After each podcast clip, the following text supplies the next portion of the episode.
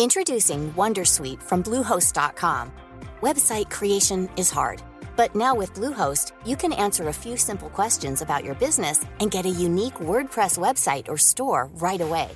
From there, you can customize your design, colors, and content.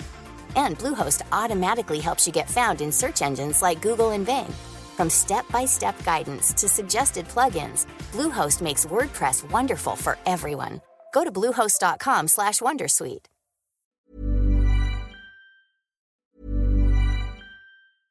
Introducing Wondersuite from Bluehost.com. Website creation is hard, but now with Bluehost, you can answer a few simple questions about your business and get a unique WordPress website or store right away. From there, you can customize your design, colors, and content. And Bluehost automatically helps you get found in search engines like Google and Bing. From step-by-step guidance to suggested plugins, Bluehost makes WordPress wonderful for everyone. Go to bluehost.com/wondersuite.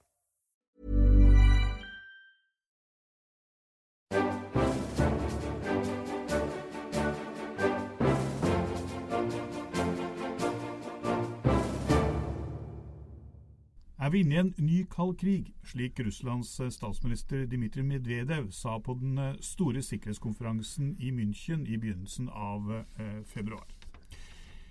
Det er tema i denne ukens eh, Aftenposten Verden. Mitt navn er Alf Olask, og med meg har jeg utenrikskommentator Frank Rossavik og på Skype fra Moskva korrespondent Per Anders Johansen. Og Frank, hvorfor er du enig med Medvedev? Ja, Jeg brukte jo dette begrepet kald krig allerede i en artikkel i Bergens Tidende for et år siden. Eh, og jeg mener at likhetene er flere enn forskjellene, selv om jeg også ser forskjellene. Eh, vi har eh, en situasjon der USA og Russland fortsatt er verdens to største militærmakter. Nato er som før, omtrent. Litt større. Russland har en stor slagkraft, selv om landet er økonomisk svakt og står i en løsere allianse med en del andre mer eller mindre likesinnede land eh, i verden. Eh, det er en allianse som ikke er bygd på kommunisme som før, men som er bygd på nasjonalkonservatisme med ulike sjatteringer. Eh, vekt på stabilitet, eh, motstand mot innblanding utenfra. Eh, skepsis eller motstand til eh, demokrati, menneskerettigheter og fungerende rettsstater. Per Anders, eh, du tilbrakte til og med deler av din barndom i eh, Sovjetunionens eh, Moskva. Hvorfor mener du det er feil å kalle dette en ny kald krig? Altså, alle vi mennesker har jo et behov for å prøve å finne historiske paralleller. En av grunnene til at det er viktig, er jo at vi da finner måter å forstå vår egen tid på. og Det er vel en av grunnene til at det er så mye diskusjon om det er en kald krig eller ikke. Jeg mener vi er ikke i nærheten av en kald krig i dag. Altså Hvis vi husker hvordan 50-, 60- og 70-tallet var i Europa, eh, så var det en helt annen tid. Eh, hvor det lå et jernteppe på tvers fra Østersjøen til Middelhavet. Hvor det var ingen kommunikasjon, og hvor eh, du også faktisk hadde en rekke store kriger. Eh, Koreakrigen, Vietnamkrigen og Afghanistan-krigen, som jo kostet nesten ti millioner mennesker livet. Eh, og hvor verden ved flere anledninger var bare noen noen minutter og fra et kjernefysisk ragnarok. Vi er ikke der eh, i dag i det hele tatt. Og dessuten altså Russland.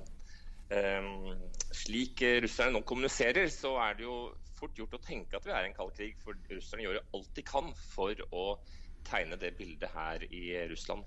Og det gjør de av gode grunner. De prøver å skremme russere til å tro at Russland er ombringet, at de må stå sammen, eh, slå ned femtekolonner. Og eh, heller være opptatt av det enn å bry seg om deres egne problemer. Frank? Altså, jeg vil jo advare mot å undervurdere dagens situasjon. Eh, vi har en krig i Ukraina der Vesten støtter regjeringen og Russland støtter opprørere. Vi har en veldig tilspissa situasjon mellom Nato-landet Tyrkia og Russland. Og i Syria har vi en situasjon der Vesten vil ha Assad bort, og Russland vil beholde Assad. Så vi har jo tre konflikter samtidig som alle har stoff i seg til å eskalere. Og Dessuten så eh, Ja, altså det jernteppet som vi hadde mellom 45 og 91 er borte, men vi har et nytt jernteppe. Jeg har, jeg har, leilighet i Ungarn, jeg har mann fra Tsjekkia, jeg har venner i Polen og Slovakia og i de baltiske statene. Og de føler en frykt for Russland som ikke er ulik den man følte i det opprinnelige jernteppets tid. Men er det ikke en fare for, sånn som det du nå gjør, Frank, at du på en måte godtar det som er Medvedevs eh, måte å se dette på, og at uh, russerne har en interesse i å spille opp dette på en gammeldags eh, kald frykt, og, frembringe den gamle kald frykt-retorikken. Ja, altså jeg brukte jo dette begrepet før Medvedev, og jeg mener det er betegnende for den situasjonen vi er inne i. Det er en svært alvorlig situasjon. Jeg, jeg mener at vi er nødt til å innse det alle de tre konfliktene jeg, jeg nevnte, har har stoff i seg til å eskalere. Og jeg kan ikke huske, i hvert fall ikke mer enn én en eller to ganger under den originale kalde krigen, hvor det i sum var farligere enn det er akkurat nå. Mm. Men det er klart at det er ikke noe tvil om at vi er i en meget uforutsigbar og farlig situasjon i verden. Det er, det er det ingen som er Det er vel få som er uenig i det. Uh, spørsmålet er jo på en måte hvor mye vi Eh, hvor mye klokere vi blir av å prøve å se verden i, kald, i et kaldkrigperspektiv. Eh, og eh, jeg mener det er en veldig viktig side og gripe fatt i å prøve å forstå hvorfor f.eks. Medvedev eller Putin snakker sånn som de gjør i f.eks. i München. Ja, hvorfor gjør de det? Nå, bare det seg selv er jo interessant. fordi at etter at Medvedev formulerte seg slik han gjorde, Eh, og det er ikke noe tvil om at han sa at vi har glidd inn i tider eh, som er en ny kald krig. Etterpå så sa han jo at det var ikke det han sa. Han sa at vi er på vei dit, og så la de ut et nytt manus. og eh, så fikk man nesten inntrykk av at Medvedev prøvde å rygge litt. Men faktum er jo at her i Moskva så pøses det på med løgner, eh, militær retorikk, eh, P-propaganda eh, altså dag ut og dag inn. Det har vært slik i måneder og år. Og det er i regimets interesse og i inntrykk av at vi er i en kald krig. Ja, Hvorfor det, hvorfor det Per Anders? Jo, fordi at man prøver å skremme skal vi si, dette store, allsidige russiske samfunnet til å, føle seg beleiret, føle seg under press, føle at Nato er på jakt etter dem. Og jeg mener jo det er jo nå har jo vi en vennlig, intelligent samtale her, sånn, men russerne har ikke rett i at Nato og Vesten er ute etter å ta rotta på dem. Eh, det er ikke det Nato forsøker. og eh, Derfor mener jeg jo at eh, vi bør ta skal vi si, denne retorikken fra Medvedev og Putin litt forsiktig. Og dessuten, det siste året har det altså vært over 20 møter mellom Kerry og Lavrov. De snakker sammen mye. Man har fått til flere ting. Man fikk til en Minsk-avtale, selv om den har mange feil. Man fikk til en avtale om Iran. Og på visse punkter har man jo faktisk til og med klart å snakke sammen i Syria, selv om alt fortsatt henger. Og dette er ting som ville vært helt utenkelig i det klimaet vi hadde i den kalde krigen. Frank? Ja, altså Helt utenkelig er det jo ikke, for det var jo uh, ganske ofte samtaler under den kalde krigen. De leda bl.a. til nedrustningsavtaler og andre avspenningsgrep. Uh, så uh, det, det, er jo ikke helt nytt. Det som er, det som er, det som er interessant, er jo at, at, Nato trua jo for så vidt ikke Sovjetunionen under den kalde krigen heller.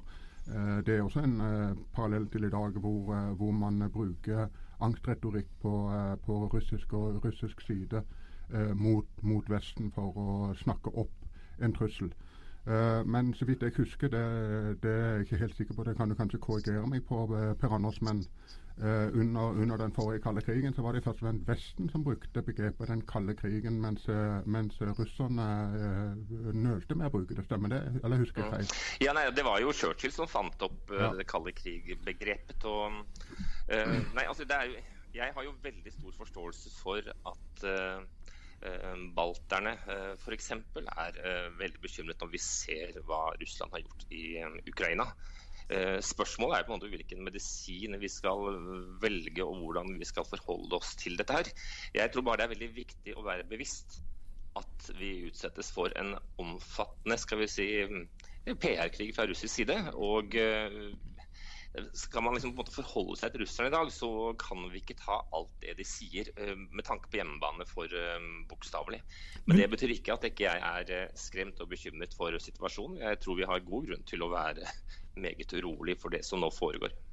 Men eh, Frank, under, eh, under dette sikkerhetskonferansen i München, hvor både du og jeg var, eh, både statsminister Solberg, Natos generalsekretær Jens Stoltenberg og en lang rekke andre europeiske eh, politikere har nå vært ute og tatt veldig kraftig avstand fra denne bruken av kald krig-begrepet, og, og, for så vidt da Medvedevs analyse. Hvorfor er det så viktig for dem?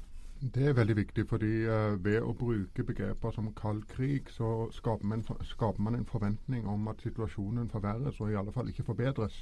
Uh, og uh, Jeg forstår veldig godt at Natos generalsekretær og ulike statsministre i vest vegrer seg for å bruke begrepet kald krig, fordi de vil holde dialogen med russerne oppe, og de vil ha mest mulig samarbeid også i fortsettelsen. Så Det er et politisk ansvar. Men for oss som er observatører Eh, så, så, så, mener jeg at ansvaret først og fremst er å, å, å, gi en god analyse av situasjonen og si hva som er sant, uavhengig av om det er politisk tjenlig for våre land eller ikke. Mm. Og Da kan vi jo ikke si at Medvedev har rett når han sier det er en kald krig, med den begrunnelse at det er Nato og Europa som er på jakt etter Russland. Altså, det er jo et virkelighetsbilde som jeg tror ingen av oss her i studio uh, har. Uh, og uh, det som jo også er på en måte ganske interessant i dagens situasjon, er jo at eh, altså, kjernen i konflikten mellom Russland og Ukraina nå er jo først, nei, Russland og Vesten er jo først og fremst Ukraina. Det var der det hele startet for alvor, selv om konflikten i Georgia og, og diskusjonen rundt rakettskjold osv. hadde forsuret miljøet i lang tid. Men selv i dag så forsøker altså da russerne skjult eh, og ja, ganske patetisk egentlig, å gi inntrykk av at de ikke er til stede i Ukraina.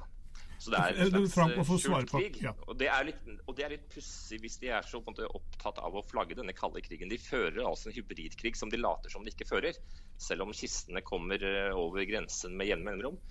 Og Det illustrerer også et paradoks ved dagens situasjon. Russland har jo ikke noen ideologisk plattform. De kan ikke tilby et annet verdenssystem, slik kommunistene forsøkte.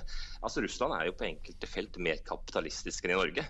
Eh, bortsett fra at her i dette landet har jo røverkapitalistene klart å tømme landet for ressurser.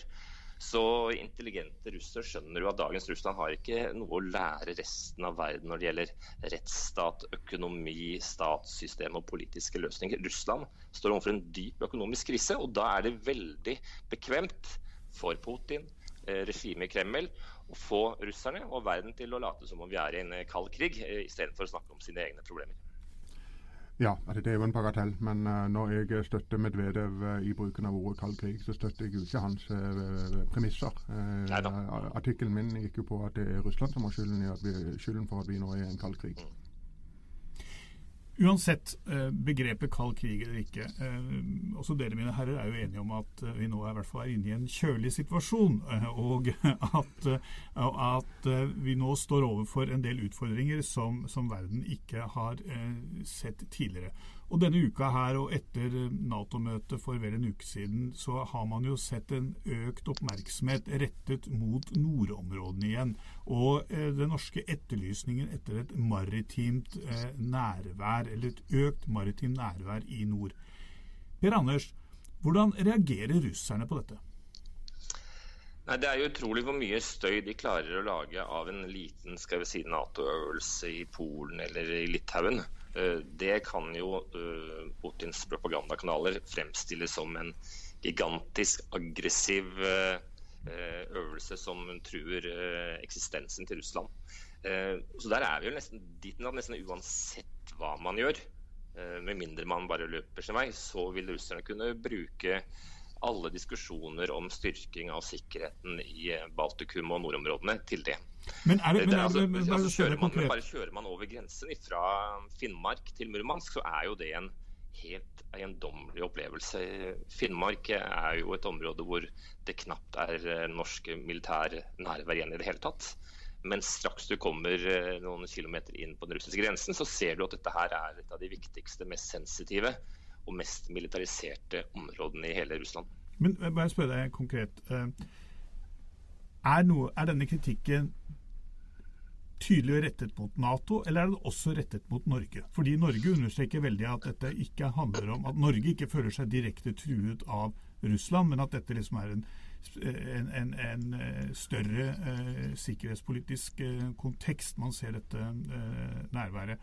Hvordan, eh, hvordan, gjør man på russisk side de samme klare skillene mellom norsk-russiske forhold og, og forhold mellom Russland og Nato? Eh, mitt personlige inntrykk er jo at russere, vanlige russere skiller jo veldig mellom Nato og Norge. Jeg som en nordmann i Moskva utsettes for overhodet ingenting. Tvert imot så er russere, vanlige russere jeg møter veldig interessert i hvem jeg er. og i motsetning til mine amerikanske kolleger, som jo stadig vekk opplever ubehageligheter, så, så, er det godt å være nordmann i Russland. Men når det kommer på skal vi si, det retoriske Kreml-nivået, Eh, så er jo de eh, tilbøyelige til å kunne gjøre hva som helst når som helst hvis det passer dem. Og de samler opp argumenter. Nå er vi jo jeg tenker at Det som er viktig fra norsk side, er å iallfall ha en kontakt med russerne og en dialog fortløpende. og Det er jo det er det ganske bred enighet om i, i, Norge. og Der har vi vært gjennom en litt urovekkende periode, syns jeg. Altså fra Sotsji-OL til nå i desember så var det altså ikke en eneste norsk politiker som var i Moskva for å snakke med russerne. Eh, og Uansett hvor uenige og bekymret vi er for russerne, så tror jeg ikke det å la være å snakke sammen er en særlig god løsning. Hvis jeg kan få nevne et lite um, interessant apropos til dette, med, dette vi snakker om i nordområdene, så rykka jo uh, den norske forsvarseksperten Kjetil Stormark i går ut uh, og fortalte at PST, Politiets sikkerhetstjeneste i Finnmark, begynner å bekymre seg for nordmenn som har større lojalitet til Russland enn til Norge. Eh, og Det er jo også et lite, et lite apropos til, eh, til, den, til, den, kalde krigen, eh, som jeg husker eh, den, den, typen tankegang hadde vi også. Så ja, det er jo Finn, godt Finnmark, poeng, Finnmark er interessant. Det, det fikk meg virkelig til å føle litt kald krig. Men, men, samtidig har det da vært en del som har etterlyst om PST vil gå god for dette, og i tillegg mener at kanskje den kalde krigen mer er i stormarksbevissthet enn i, i, i, realiteten. Jeg har jo sett at han har også fått ganske mye kritikk for, for på en måte å, å, å, å framstille dette på, eh, på, på, den måten. Men det er helt sikkert en debatt vi, vi kommer til å, å få uh, mye tilbake av. La oss runde av med det vi begynte med her, uh, mine herrer, om kald krig.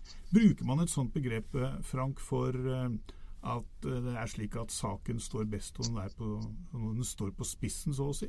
Er det en spissformulering som du ikke kunne la være å bruke?